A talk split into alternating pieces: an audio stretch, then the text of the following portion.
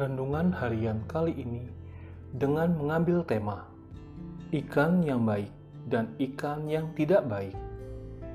Diinspirasikan dari Injil Matius bab 13 ayat 47 sampai dengan 53. Demikian pula hal kerajaan surga itu seumpama pukat yang dilabuhkan di laut, lalu mengumpulkan berbagai-bagai jenis ikan. Setelah penuh, pukat itu pun diseret orang ke pantai, lalu duduklah mereka dan mengumpulkan ikan yang baik ke dalam pasu, dan ikan yang tidak baik mereka buang. Demikianlah juga pada akhir zaman. Malaikat-malaikat akan datang memisahkan orang jahat dari orang benar, lalu mencampakkan orang jahat ke dalam dapur api. Di sanalah akan terdapat ratapan dan kertakan gigi. Mengertikah kamu semuanya itu? Mereka menjawab, "Ya, kami mengerti." Maka berkatalah Yesus kepada mereka, "Karena itu, setiap ahli Taurat yang menerima pelajaran dari hal kerajaan surga itu seumpama tuan rumah yang mengeluarkan harta yang baru dan yang lama dari perbendaharaannya.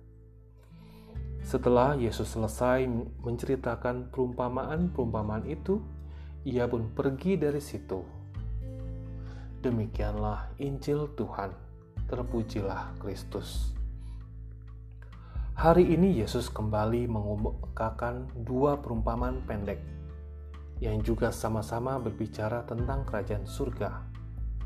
Perumpamaan pertama berkisah tentang pukat yang berhasil mendapatkan banyak ikan. Pukat itu kemudian diseret ke daratan oleh para nelayan yang selanjutnya memilih ikan-ikan yang ada di dalamnya. Ikan-ikan yang baik akan diambil dan ditempatkan ke dalam tempayan, sedangkan ikan-ikan yang tidak baik akan dibuang dengan ini dinyatakan bahwa pada akhir zaman, seluruh manusia akan dikumpulkan di hadapan Allah. Orang-orang benar akan diperkenankan olehnya untuk masuk ke dalam kerajaan surga, sedangkan orang-orang berdosa akan dicampakkan ke tempat penghukuman. Perumpamaan kedua menampilkan seorang ahli Taurat yang mendengarkan pengajaran tentang kerajaan surga hukum Taurat dan kerajaan surga, keduanya adalah harta yang sangat berharga.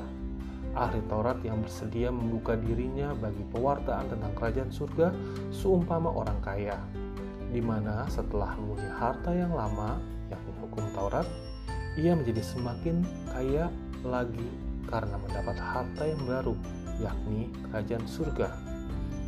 Jadilah ia orang yang memiliki kekayaan berlimpah karena harta yang lama dan harta yang baru itu.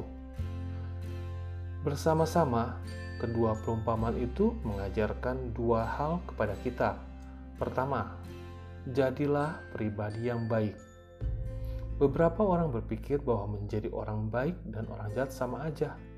Toh akhirnya sama-sama mati juga. Malah ada juga yang berpikir bahwa menjadi jahat kelihatannya lebih menyenangkan, sebab banyak orang jahat tampaknya hidup sejahtera justru dari hasil korupsi, tindakan curang, dan penindasan terhadap orang lain yang mereka lakukan. Pikiran-pikiran itu keliru, sekadar menunjukkan manusia-manusia yang melupakan kemanusiaan mereka. Manusia harus menjalani hidupnya secara bertanggung jawab, dan pada saatnya harus mempertanggungjawabkan tindakan-tindakan yang dilakukannya. Karena itu, jadilah ikan yang baik, alih-alih ikan yang tidak baik. Kerajaan surga hanya terbuka bagi ikan-ikan yang baik, sedangkan ikan-ikan yang tidak baik akan dibuang dan dicampakkan karena pada dirinya sendiri mereka tidak bernilai. Kedua, jadilah pribadi yang terbuka pribadi yang mau selalu belajar. Merasa diri sudah dewasa, sudah pintar, dan sudah tahu segalanya, sejumlah orang menutup diri mereka terhadap hal-hal yang baru. Mereka tidak mau lagi membuka telinga, tidak mau lagi belajar, padahal Tuhan setiap saat dan dengan berbagai cara selalu memperkenalkan dirinya kepada kita agar kita semakin mengenalnya secara mendalam. Dengan ini, kita diajak untuk selalu membuka hati baginya dari hari ke hari. Rasakan kehadiran dan sapaan Tuhan dalam setiap peristiwa yang terjadi dalam hidup kita, dan jadilah pribadi yang senantiasa tercerahkan.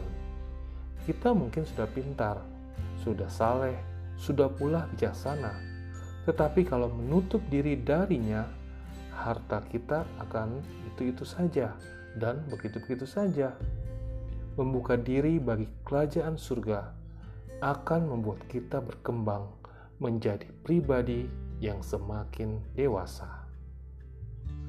Tulisan renungan hari ini ditulis oleh Bapak Jarod Hadianto, Unit Naskah dan Penerbitan Lembaga Biblika Indonesia.